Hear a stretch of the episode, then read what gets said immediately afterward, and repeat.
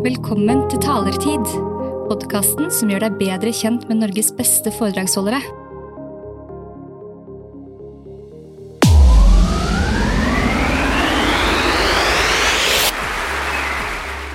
Wow.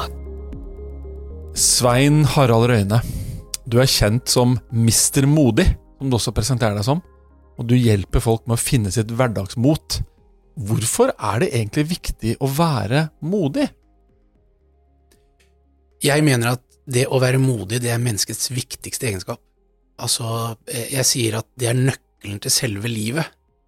Eh, Og årsaken til det er at frykt det holder oss tilbake og begrenser oss på så utrolig mange måter, eh, i, store og små sammenhenger. Og for at vi skal kunne leve et fullverdig liv, så er vi nødt til å tråkke gjennom den frykten og gjøre det vi er redd for. Em, og vi har, vi har eh, blitt lært um, gjennom hele oppveksten at livet er farlig, og, og, uh, og derfor så går vi alle sammen med en eller annen frykt som, som begrenser oss. Og da får vi ikke tatt ut det potensialet som bor i hver enkelt, og, bo, og verden har behov for at mennesker tar ut det potensialet som bor i de, da. Um, så um, derfor så mener jeg det at alt starter med mot. Em, om du skal, eh, eh, hva skal vi si, har lyst til å få familie og barn og sånn, så, så må du jo starte med mot. Du må gå bort til hun eller han som du er interessert i, og vise interesse. Hvis du ikke gjør det, så Har du noen eksempler i eget liv hvor frykten har holdt deg tilbake? Fra barndom, ungdom, voksen år? Og ja, frykten har holdt meg tilbake i mange, mange sammenhenger, og, og det enkleste er selvfølgelig å tenke på Mariann, da jeg gikk på, på ungdomsskolen. Jeg var jo så forelsket i Marianne. hun var nydelig, langt, mørkt hår, svære, brune dådrøyne, hun hadde øyevipper som var så svære at når hun blunka med øynene, så ble det trekk i rommet, Eh, og, og, og hun var kaptein på håndballaget, hun, var- hun var så nydelig, og um, og jeg drømte om en natt og dag. Jeg har til og med skrevet inn i, i salmeboken min at eh, jeg elsker Marianne og sånn. Um, og jeg gikk bort til henne én gang og spurte om å danse, og eh, da sa hun nei på ungdomsdisko. Og etter det så har jeg ikke turt å gå bort og spørre noen om å danse gjennom hele min oppvekst. Den der avvisningen som jeg fikk der, den satte seg så i kroppen. Så, så jeg fikk ikke kjæreste før jeg, eh, før jeg var, studerte i Edinburgh og hun ble min kone. Når var det du selv ble opptatt av dette med mot? For det er kanskje en eller annen øyeblikk eller et periode i livet hvor du, hvor, hvor du ble mer eh, oppmerksom på det å være modig? Eh, For å være helt ærlig, så, så ble vel jeg egentlig ikke veldig opptatt av mot før jeg bestemte meg for å starte for meg selv. Eh, Jeg, jeg ble inspirert av Tony Robins. I, jeg var på et event i fire dager i London, og han syntes jeg bare var helt fantastisk. Han sto på scenen. Hvem er det? Fortell lytterne om det. Anthony Robbins, eller Tony Robbins, han er verdens mest kjente coach og inspirator, og han har coachet Bill Clinton og Andrew Agassi og Mandela og så videre. Så, eh, og han, har, han reiser verden rundt og coacher, eh, eller har svære event, som for å få folk til å eh, ha breakthrough i livene sine. Jeg var på et firedagers event der borte i London, og jeg bare syntes han var helt fantastisk. Det startet klokken ti om morgenen og sluttet klokken ti på kvelden, og han hadde 45 minutters pause, ellers så sto han på scenen kontinuerlig. Måtte du på do, så måtte du bare løpe ut og inn igjen. Det var ingen pause. Han hadde jo en sånn energi, og han var bare så fantastisk. Og da, da sa jeg at, tenkte jeg for meg selv at vet du, det har jeg lyst til å gjøre òg. Og da var du i en fast jobb? Og da var jeg fast jobb, ja. Men det tok flere år før jeg kom dit, og det var når jeg skulle starte for meg selv, eh, så tenkte jeg eh, Så prøvde jeg å bli en kopi av han, og det eh, å bli kopier, det er ikke så bra. Um, men det var i den prosessen der jeg begynte å finne ut hvor skal jeg, hvor skal jeg på en måte legge trykket mitt, og så begynte jeg å gå gjennom livet mitt, og jeg skulle skrive bok, og i den prosessen så kom ordet modig opp, gang på gang på gang, eller frykt, gang på gang. Eh, og så begynte jeg å sjekke litt hva er det folk snakker om, og hva er posisjoneringen til de forskjellige foredragsholderne i markedet. Og jeg har jobbet med merkevarebygging i hele mitt liv, da, så, og da innså jeg at det var egentlig ingen som har tatt posisjoneringen modig.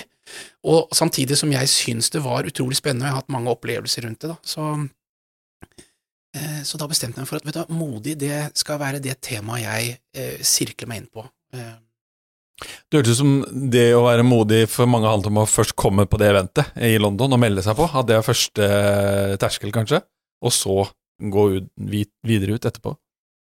Ja, for mange var det jo det. Altså, det var jo som et, rett og slett et, et, et, event som gjorde at du lærte å trosse fryktene dine. Mm. Så um, jeg gjorde det. Disse fryktene vi har, eh, hvorfor lar vi dem bestemme handlingene våre? For det er jo det du sier, og det kan Ja. man jo kjenne seg igjen i. Ja. Mange sier jo 'jeg skulle gjerne ha gjort', Mm. eller 'jeg skulle ønske jeg kunne'. Hvorfor lar vi dem regjere? Kan vi ikke bare gønne på? Jo, eh, det er flere årsaker til det, eh, men disse fryktene de har vi jo fått med inn med morsmelken, egentlig.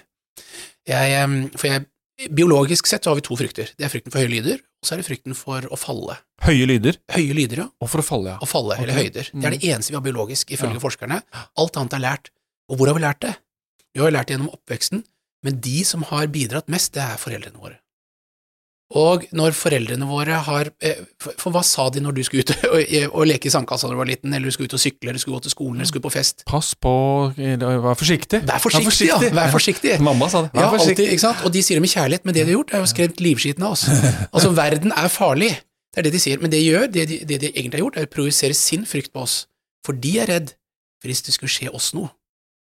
Så vi har egentlig blitt opplært at verden er farlig, og vi er ikke i stand til å takle det. Og jeg kaller, eh, eh, jeg kaller noe, eh, noe jeg kaller alle frykters mor. Det er frykten for at vi ikke klarer å takle det livet kaster imot oss. Har du noe eksempel på, Altså, på det? livet kaster jo enormt mye mot oss. Ja. Det er mye positivt, men mye vanskelig òg. Mm. Og når jeg holder foredrag, så sier jeg til publikum jeg er helt sikker på at alle her har opplevd traumer i livet sitt og hatt det vanskelig, og, og det kommer til å bli mye mer framover. Men det vi er redd for, er at vi ikke klarer å takle det. Så la oss si at jeg er forelsket i en jente, og har lyst til å gå bort til henne, men så tør jeg ikke gå bort, fordi jeg er redd for at jeg ikke klarer å takle avvisningen. Derfor så lar jeg være. Men er du bevisst på det? For jeg tenker, jeg tror du har rett, men er vi bevisst på at det er det vi er redd for? Nei, det er det, det er det som er eh, en av mine oppgaver, føler jeg. Eh, At folk kjenner på frykt, men de klarer ikke å analysere hva, er, hva slags frykt er det jeg kjenner på. Og Det er først når du vet hva slags frykt du kjenner på, at du kan begynne å gjøre noe med det. Så man må liksom analysere seg selv, eller dekode frykten. Helt riktig, og det er det jeg forsøker å gjøre gjennom foredragene mine. Jeg prøver å, å, å dekode hvilke frykter de har, og gi de verktøy for å håndtere de forskjellige fryktene. Så å spørre seg hvorfor er jeg redd for dette, hvorfor syns jeg dette er ubehagelig, Mm. kan være en start. Har du eksempler på andre frykter som holder oss tilbake? Ja, den, eh, eh, frykten for å bli latterliggjort, for eksempel. Det er jo det å bare ta ord i en forsamling, eh, holde taler. Folk syns jo det er helt forferdelig. Og, og, og da lar de heller være. Ikke sant? Bestevenns eh, bryllup, så holder man ikke tale fordi at man er redd for det, enn om man har lyst. Eh, pappa han er veldig introvert, og, og, en, han ble ertet mye for han var veldig liten. og og han har reist, aldri reist seg opp og fortalt hvor glad han er i oss, verken i bursdager, i konfirmasjon, i bryllup. Ennå vet han har lyst, men, men han, er, han også kjenner på den frykten, da. Em, så vi alle kjenner på den frykten for å bli latterliggjort. Og kanskje hver gang du ikke gjør det, så ruller den snøballen videre, og så blir den bare større og større, Ja, ja, ja, så blir terskelen eller høyere for å gjøre, Høyere, gjøre det. Ja. Mm. Så, så jeg har eh, opplevd det, og um, den, den frykten for å bli latterliggjort em, masse, og jeg har blitt latterliggjort mye, og, og det, det er vondt, ikke sant? Jeg har jo en historie som jeg, jeg, jeg pleier å fortelle veldig kort, hvor eh, jeg er med i et herreselskap i, i, eller var med i herreselskap i Moss, men jeg flyttet fra Moss, og da sluttet jeg. Og der, der um, har vi alltid sanger, og disse sangene er ikke gamle og tunge og vanskelige. Uh, og når vi har drukket litt, da, så går tunga litt i krøll. Så satt jeg ved siden av en som sa til meg at eh, du, ta, dere unge må jo komme med noen nye sanger, og jeg er ikke så vanskelig å be. Tok en ekstra akevitt, uh, og så plinget jeg i glasset. Og, og så ble det helt stille, og alle sammen var jo så happy og, for at noen skulle ta ordet, og så sa jeg at eh, presenterte jeg meg, så sa jeg at jeg har eh, blitt oppfordret til å komme med en sang, fordi eh, disse sangene vi har nå, når vi har fått litt eh, akevitt innabords, de er litt krevende eh, å henge med på. Så jeg håper at dere vil være med. Og alle var jo så tent eh, og spent. Så du hadde fått en advarsel eh, fra, på dette, eller? Ja, det, eh, selvfølgelig, det, og det var et veldig eh, viktig poeng, faktisk. Fordi at eh, idet jeg reiste meg opp, så sa jeg da at jeg, kona mi har sagt at jeg burde ikke reise meg opp i sånne sammenhenger som dette. Og jeg vet ikke om noen hadde dårlig erfaring, jeg. Trolig. Trolig. Så det sa jeg, og da lo jo folk, da. Og så eh, Og så eh, sa jeg 'så syng med', og så var sangen Ræ, ræ, ræ, ræ, ræ, ræ, ræ, kvinnfolk! Og da ble det helt stille. Og da bare kjente blodet forsvant fra hodet. Um, og så hører jeg en kamerat av meg begynne å le, uh, men ingen andre fulgte på, og da tenkte jeg nå er jeg helt dødsens. Altså, så plutselig så var det en som plinget i glasset, og så var det den advokat Bromander, en av oss mest kjente advokater, som reiste seg opp, og så løftet han glasset og sa han, vi skåler for fru Røyne. Du trosset iallfall frykten. Jeg trosset frykten, og jeg følte jeg ble latterliggjort, og jeg syns det der var utrolig vondt. Eh, men jeg pleier å si til folk at eh, de vondeste episodene i livet, når vi har fått bearbeidet de, så kan det ha vært roten til eh, noen av de beste historiene du kan fortelle. For i sosiale sammenhenger, hva er det vi snakker om da? Vi snakker ikke om den grå hverdagen, vi snakker om når vi har gjort noe fantastisk, eller når vi har driti oss ut. God det er jo en god historie, ikke sant. Du jobber jo annet med leder og ledergrupper, og du har også selv vært leder. Ja. Hvordan ser vi disse fryktene i arbeidsmiljøet, eksempel en avdeling på et kontor, en butikk, eh, en arbeidsplass? Hvordan, hvordan kommer fryktene til syne der? og det er mange. Det er mange. Eh, eh, ledere eh, kan synes det er vanskelig å ta den vanskelige samtalen. Har du en, en, en medarbeider som har dårlig hygiene, det å ta den samtalen, den sitter langt inne. Eh, ledere å ta beslutninger, det at de bare tar beslutninger. Altså, framtiden er usikker, vi vet jo ikke hva framtiden byr på. Eh, og å lede er jo å ta beslutninger eh, mot en framtid som vi ikke kjenner på. Eh, Så ledere kjenner på mye frykt. Eh, Og det å tørre å gjøre seg sårbar, for eksempel, for ledere eh, vi har, Ja, hva bunner det, hvis du skal dekode det, hvis, Ja. hvis jeg som leder da har noe som jeg burde delt og har lyst til å dele med medarbeiderne mine, som er kanskje har litt personlig karakter, Mm. Hva er det som holder meg tilbake, og kan du liksom si noe om det? Ja, altså, vi, en leder eh, det, I utgangspunktet så mener jeg eh, at alle fryktene vi har, de kan, eh, de kan du eh, alt vi er redd for, de kan du eh, dekomponere ned i de fem underliggende psykologiske fryktene, som er frykten for å bli avvist, avslørt, at du ikke er god nok, miste noe du allerede har, latterliggjort og det ukjente. Miste autoritet, eksempel, kan være en, en leder Jeg kan ikke si dette, for da, da tror du ikke at jeg er like god sjef. Nettopp, ja. Miste Mm. autoritet Mm. kan også bli avslørt, Ja. at du ikke er god nok. Mm. Um, og det, det er jo imposter-syndromet. Mm. Uh, Bløff-syndromet. Vi bløffer oss selv til at vi er ikke gode nok. Og Jeg hadde en kabriolettur med Jan Grønbæk, som var Google-sjef i Norge, Uh, og han sa det at vet du, han kunne komme inn i rom og kjenne seg, kjenne seg så liten og tenkte hva gjør jeg her? Altså, Se på alle disse dyktige menneskene, se hva de har oppnådd, osv. Så, videre. så Så på alle nivåer så kan man kjenne denne frykten for å bli avslørt, at du ikke er god nok.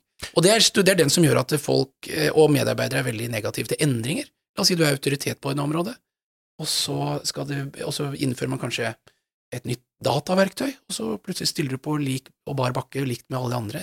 Men før det, når du jobbet på den gamle måten, så var du den alle kom til å, å bli sett opp til. Da blir man motstander til endring. Det er interessant du sier det eksempelet Jan Grønbæk, da, og, og noen kjenner jo han og vet hvem han er, men andre bare, når du hører at du er sjef for Google i Norge, da er du litt sjef. Da er du sjef. Og jeg vil tippe at hvis det var 100 mennesker i det rommet, så vil 99 andre tenke der kommer søren meg Google-sjefen. Mm. Tenk om jeg tør å snakke med han. Mm. Men så sier du at han følte det motsatte. Ja. Og det er kjempeinteressant. Vi har erfart noe av det samme. Jeg har møtt en del kjente folk opp gjennom livet mitt. Og en av de tingene jeg har reflektert over, er de er jo akkurat som oss. Ja, En kjent skuespiller, en artist, en, en politiker, en president. De har, de har de samme eh, fryktene, Ja. og de, de kan stå og skjelve i hendene eller, eller i stemmen, eller være fryktelig nervøse for noe som man tenker at de skal være overmennesker, men det er det ikke. De er jo ikke det. De er eh, supre på det som er faget deres. Der er de, om du kan kalle det overmennesker, men så er det jo mennesker, resten. Vi er mye mer enn enn det vi kanskje gjør suksess på, eller blir kjent for. Da.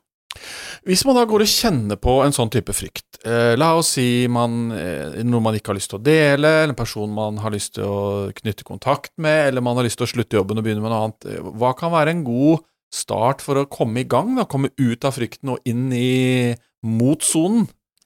ja, og det er mange verktøy for det. Eh, eh, et av verktøyene som jeg er opptatt av, det er jo For at det å endre seg, det er vanskelig. Og vi, eh, og vi mennesker gjør mer for å unngå smerte enn å oppnå glede.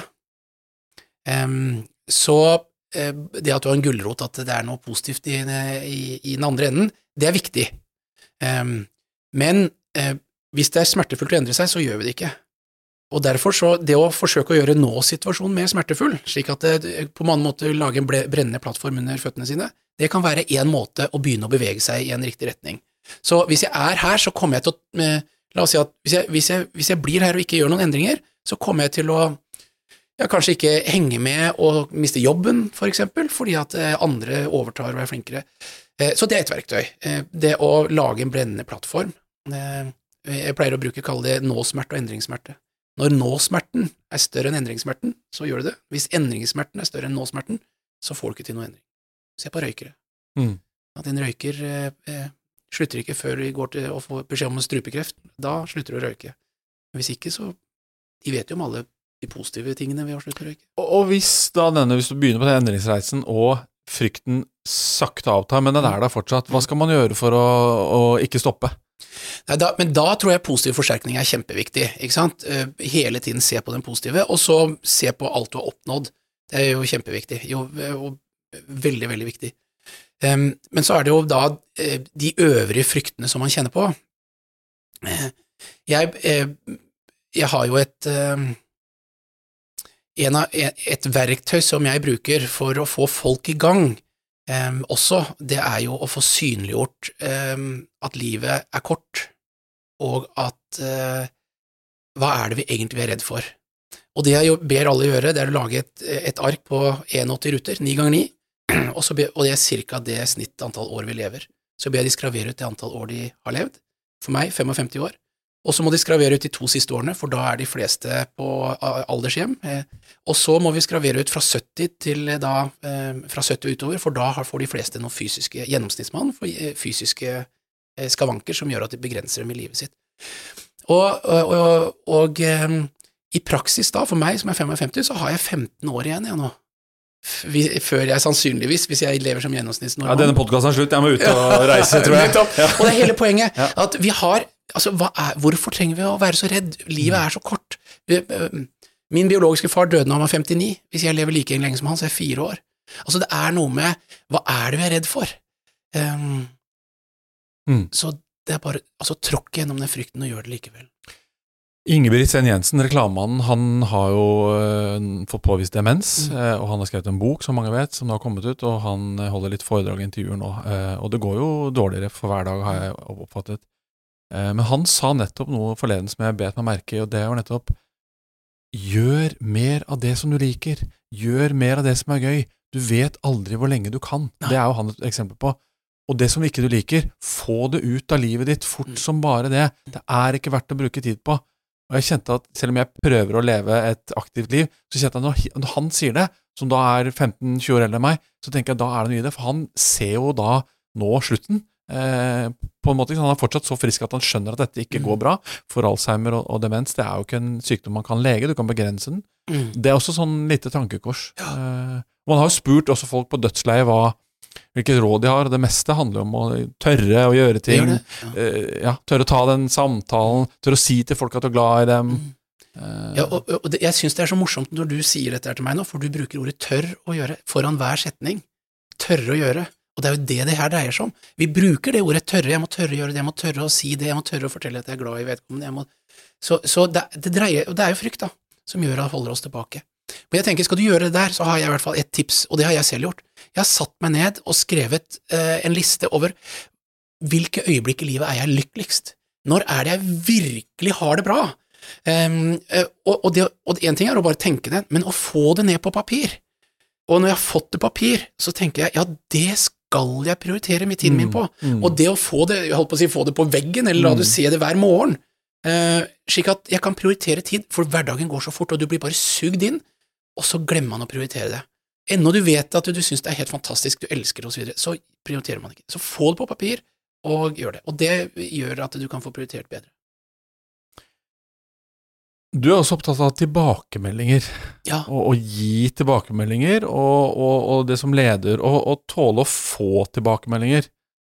Eh, er tilbakemeldinger et verktøy man kan bruke for å gi andre mer mot, eventuelt for å få mer mot selv? Kan det være en slags katalysator eller en pådriver for å være modig? Det, et av de tilbakemeldingsverktøyene som jeg er mest opptatt av, det er jo ros, positiv anerkjennelse. Ikke sant?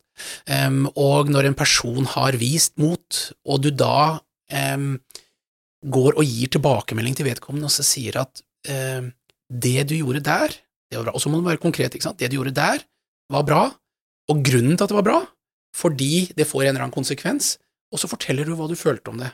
Og hvis du, hvis man bruker den trestegsmodellen der, så vil folk bli veldig glad, og det vil ta det til seg, og så vil de tenke ja, men nå, da vil jeg gjøre mer av det, og så vil jeg fortsette. For jeg tror positiv anerkjennelse er Altså, det er altfor Eller nordmenn er jo elendige på det, generelt sett. I alle foredragene mine så ber jeg folk rekke opp hånden, de som er gode til å rose. Og når det er, eh, og, når det er, la oss si, er det 200 mennesker i salen, så er det ti stykker som rekker opp hånda. Så spør jeg hvor mange er gode til å ta imot ros, så er det færre. Og, og så viser det seg at det viktigste behovet vi mennesker har, er å bli sett. Det er jo helt krise. Altså, det er jo superkraften til oss mennesker det å kunne gi anerkjennelse og ros, men vi er jo så dårlige på det. I nordmenn ligger helt i bunnsjikt i verden på det. Um, så, så, for meg er det å oppfordre for folk til å se kollegaer, eh, til å, å, gi ros og anerkjennelse, det er noe av det viktigste. Jeg, jeg, jeg, jeg runder nesten alle foredragene mine med akkurat det der. Runder Man må rose seg selv litt, og feire seg selv litt. Fe og ja, og det å være stolt selv over sine egne mm. Men du har fått deg et par på trynet selv òg, for du fortalte mange ganger historier hvor du, hvor du som leder egentlig fikk ikke så veldig mange gode tilbakemeldinger, og hva det gjorde med deg? Ja, ja jeg, en, jeg, jeg, jeg, gikk skikkelig på trynet etter å ha gjort suksess i alle stillingene fram til da. Um, og, og, Fortell om det. Og, og jeg trodde jo for så vidt at jeg etter hvert som det gikk så bra og jeg hadde høy selvtillit, at jeg var Guds gave til medarbeiderne. Uh, og det er jo en bra holdning. men, men, så kom jeg og ble salgsdirektør i Nidar, og, og, der havnet vi i en skikkelig konflikt med største kunden vår. Uh, og konsekvensen var at vi ikke fikk årsavtale med dem, og det hadde aldri skjedd før. Og da gikk jeg skikkelig i kjelleren. Og så er det sånn at du prøver å ta tilbake kontrollen. Jeg mistet jo kontroll, og jeg prøvde å ta den tilbake, og da ble jeg mer autoritær. Og det tok ikke så lang tid før jeg mistet garderoben, som de kaller det. Eh, altså mine medarbeidere. Ja, fotballuttrykket. Ja, ja. så eh, vi har gjennomført en 360 grads evaluering, og jeg fikk god score fra min sjef, enda bedre fra de som var sideordnet, ble slaktet av medarbeiderne. Uh. Og da gruet jeg meg til å gå på jobb. Eh, jeg hadde konstant hodepine, vondt i magen, og, og det å og det å ligge under en varm dyne om morgenen og skal sette bena på et iskaldt gulv og så dra på en jobb som du føler du ikke mestrer, det er et helvete. Så det der var kjempetøft. Det kan jeg tenke meg. Hvordan kom du ut av den situasjonen, eller hva gjorde du da? Ja, altså det, det jeg eh, gjorde, jeg, jeg hadde egentlig tenkt å, å, slutte. Eh, etter at det gikk en stund, jeg orket ikke mer, jeg klarte ikke. Så var det min kone som inspirerte meg til å være modig, eh, for hun sa enten kan du slutte og jeg støtter deg med det, eller du kan være modig og se om du kan løse problemene.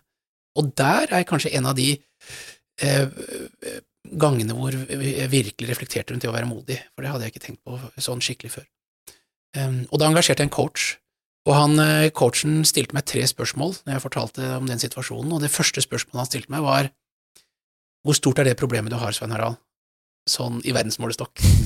uh, og da følte jeg meg nesten litt dum da han sa det, uh, men han, jeg fikk jo løftet perspektivet litt, da, jeg gikk jo jeg, følte, jeg hadde jo et sånn enormt press, følte jeg. Og så det neste spørsmålet var hvor mange der ute i verden kunne tenke seg å bytte sitt problem med ditt problem? Og det, det, er jo mange. Men det beste spørsmålet, føler jeg på mange måter, var det siste, hvor han sa hvordan kan du snu dette problemet til å bli en fordel for deg? Ikke bare løse det, men til å bli en fordel, slik at du tenker tilbake på dette som kanskje noe av det mest lærerike du har opplevd. Og, det, det, og det, gjør jeg i dag. For det vi gjorde da, jeg inviterte min ledergruppe, de åtte som rapporterte meg, til en samling. Vi satt to dager. Da satt vi i sirkel, og så satt jeg i det de kalte hot seat, og så spurte jeg dem Eller først så viste jeg dem Eller jeg ba om unnskyldning først for at jeg har vært så dårlig sjef. Så viste jeg dem den 360 graders evaluering, så de fikk sett hvordan jeg hadde blitt skåret. Hvor ille det var, liksom? Hvor ille det var, ja. Og så spurte jeg dem i turorden om de kunne gi meg eh, tilbakemelding på hva de mente var mine sterke sider. Og det var ikke så mange, men hva som var mine svake sider, den lista ble lang. Og det er noe av det verste jeg har opplevd, å sitte der. Jeg skulle ikke, ta, jeg skulle ikke forsvare meg, jeg skulle bare ta imot. Eh, men, eh, men, han coachen sa at nå syns han Svein Harald har vært modig som har tatt imot. Tør dere å sette dere i samme stolen? Og alle sammen satte seg i den samme stolen og fikk tilbakemelding. Det var tøft for dem òg. Til og med tårer som kom i den prosessen. Men etterpå så var det noe befriende. Alt det vi hadde snakket om, det um, ja, alt det vi hadde snakket om om hverandre og i kantina og sånn, det kom, ble løftet opp. Så nå, så nå, visste vi om det, det, var, det var, vi fikk luftet ut. Og så lagde vi forpliktelser overfor hverandre. Der hvor jeg var dårlig, så skulle jeg be om hjelp, eller de skulle tilby sin hjelp, men det viktigste for oss alle var at vi skulle begrave stoltheten. Da.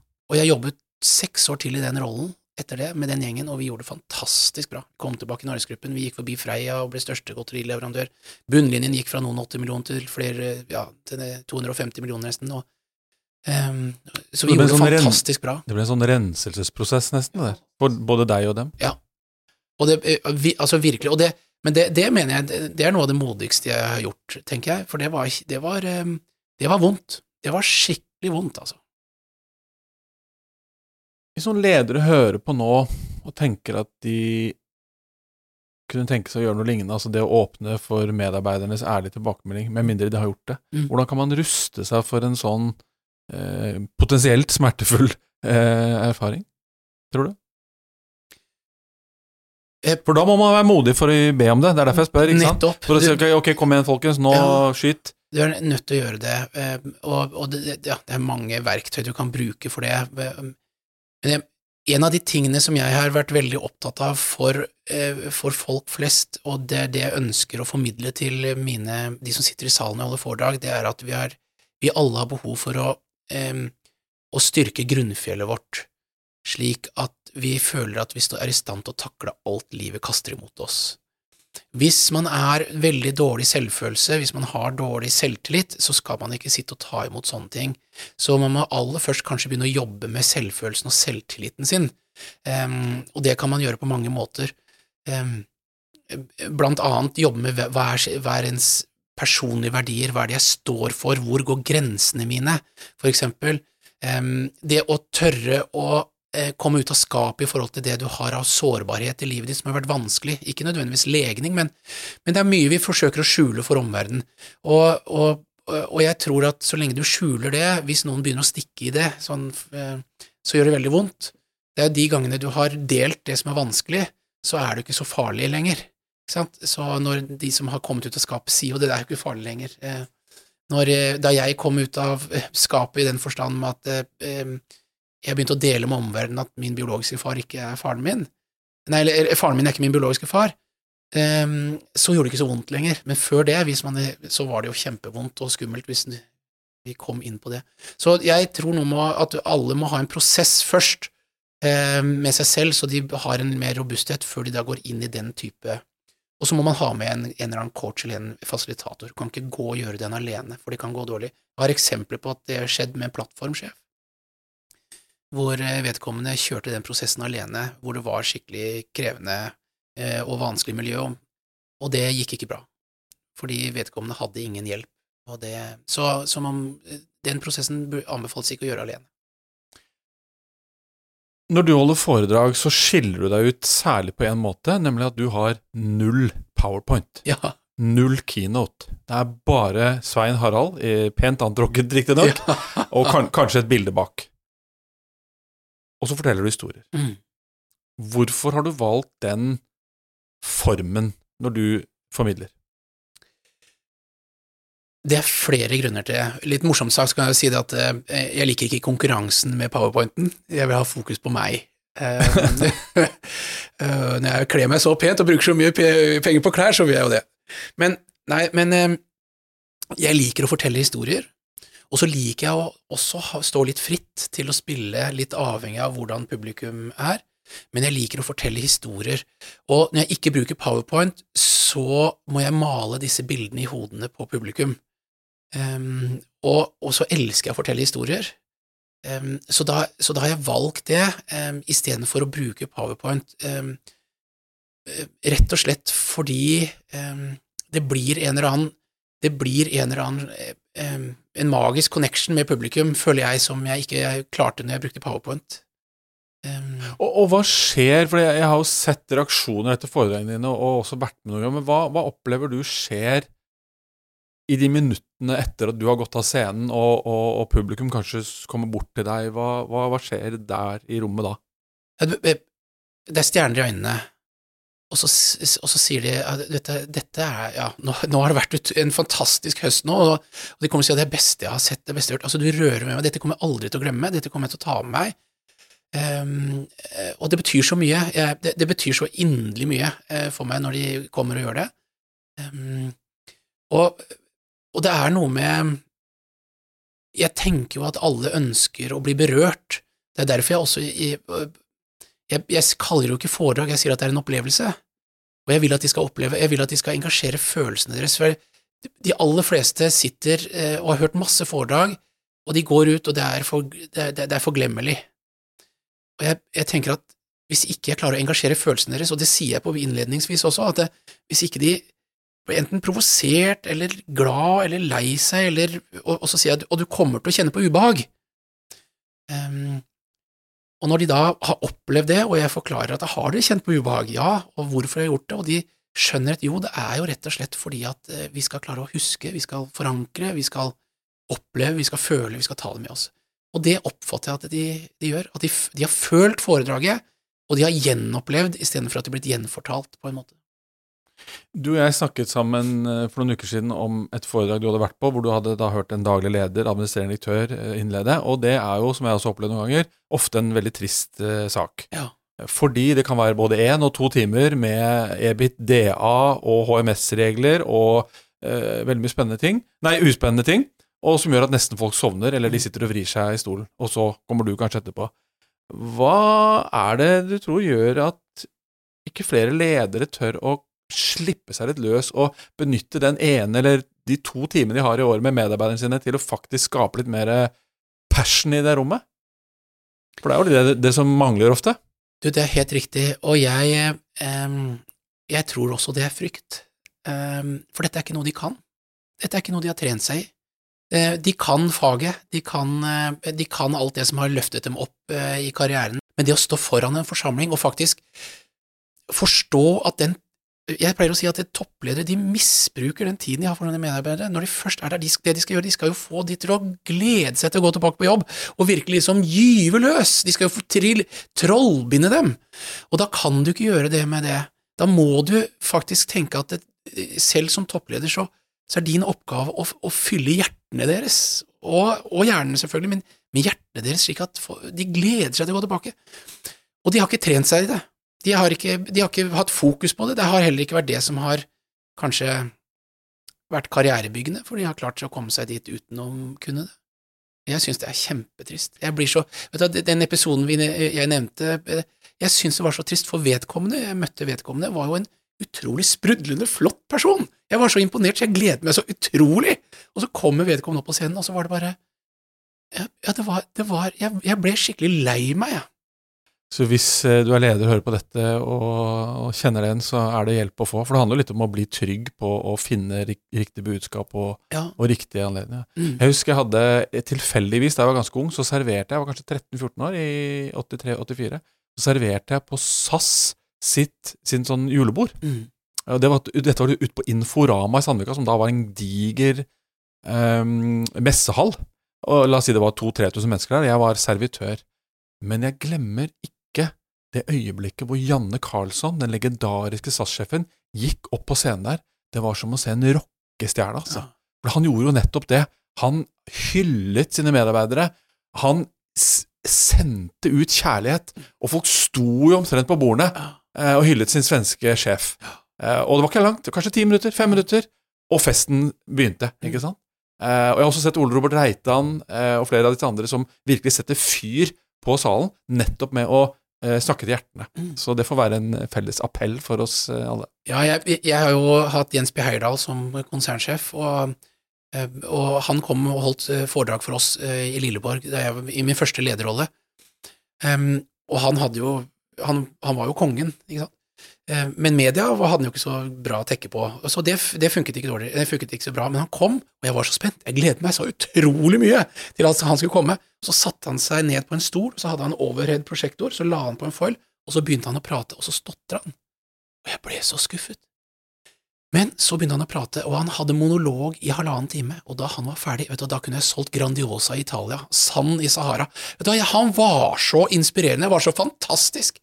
Sett, Men på lavmælt måte? På veldig lavmælt måte, ja. ja. Og så har jeg sett altså, far selv, Reitan selv, på, og han kom opp og sto der med stokken han hadde slet, og hadde bare lampe på seg, ikke noe powerpoint, ingenting, og sto der på sin lavmælt måte. Og jeg også, uten å jobbe i Reitan, bare, han bare sugde meg til seg. Det var så For det var, det var passion, det var lidenskap, det var mennesker Eh, Det var ikke noe som helst powerpoints. Det Så- hjelper jo om du eier selskapet eller er administrerende direktør. Du får litt sånn etos på, ja, av det. Da. selvfølgelig, han hadde det, men likevel. Vi skal avslutte med å snakke litt mer om Mr. Modig og deg. Når du nå, eh, sannsynligvis i mange år framover, skal eh, ut på norske scener og, og eh, kurs- og konferanselokaler og inspirere folk, hva, hva er viktig for deg å ha fått til, hvis vi har denne samtalen igjen om ti år? Hva er viktig for deg å få til med de menneskene som er i salen, når du har vært der? Jeg føler jo at det budskapet jeg har, det har nådd bare en altfor liten andel av den norske befolkningen, eh, og så målet mitt er å treffe flest mulig. Eh, Så det er kjempeviktig. Eh, Jeg, jeg ønsker ha Jo flere historier jeg får tilbake hvor mennesker har blitt påvirket eller blitt inspirert til å leve et mer fullverdig liv, enten i jobbrelasjon som leder eller medarbeider, eller i, eh, i privatlivet, altså det, det gjør meg overlykkelig. Det er, det, det er derfor jeg gjør dette her. Eh, eh, Så det er det ene. Men så har jeg også ambisjoner. Jeg ønsker jo også å bevege meg utenfor Norge og nå et mer et internasjonalt publikum. Og så har jeg selvfølgelig hatt en drøm lenge om å stå på Oslo Spektrum og ha stor, et stort event der. Hva holder deg tilbake? Nei, det er, ingen, det er ingenting, eh, egentlig. Så, men der, der er mitt, min, min lille frykt, ikke sant. Um, men jeg tenker at jeg må bygge navnet mitt mer først for å kunne klare å tiltrekke en, eh, en, en Å fylle en slik sal. Men det er bare et tidsspørsmål. Da gleder vi oss til å se deg på scenen i Oslo Spektrum. Gleder meg selv òg. Takk for at du lytter til Talertid. Du kan lese mer om denne episodens gjest på talelisten.no. Har du spørsmål eller ønske om en gjest vi bør snakke med? Send en e-post til nils at talelisten.no. Talertid. Bak scenen med Norges beste foredragsholdere.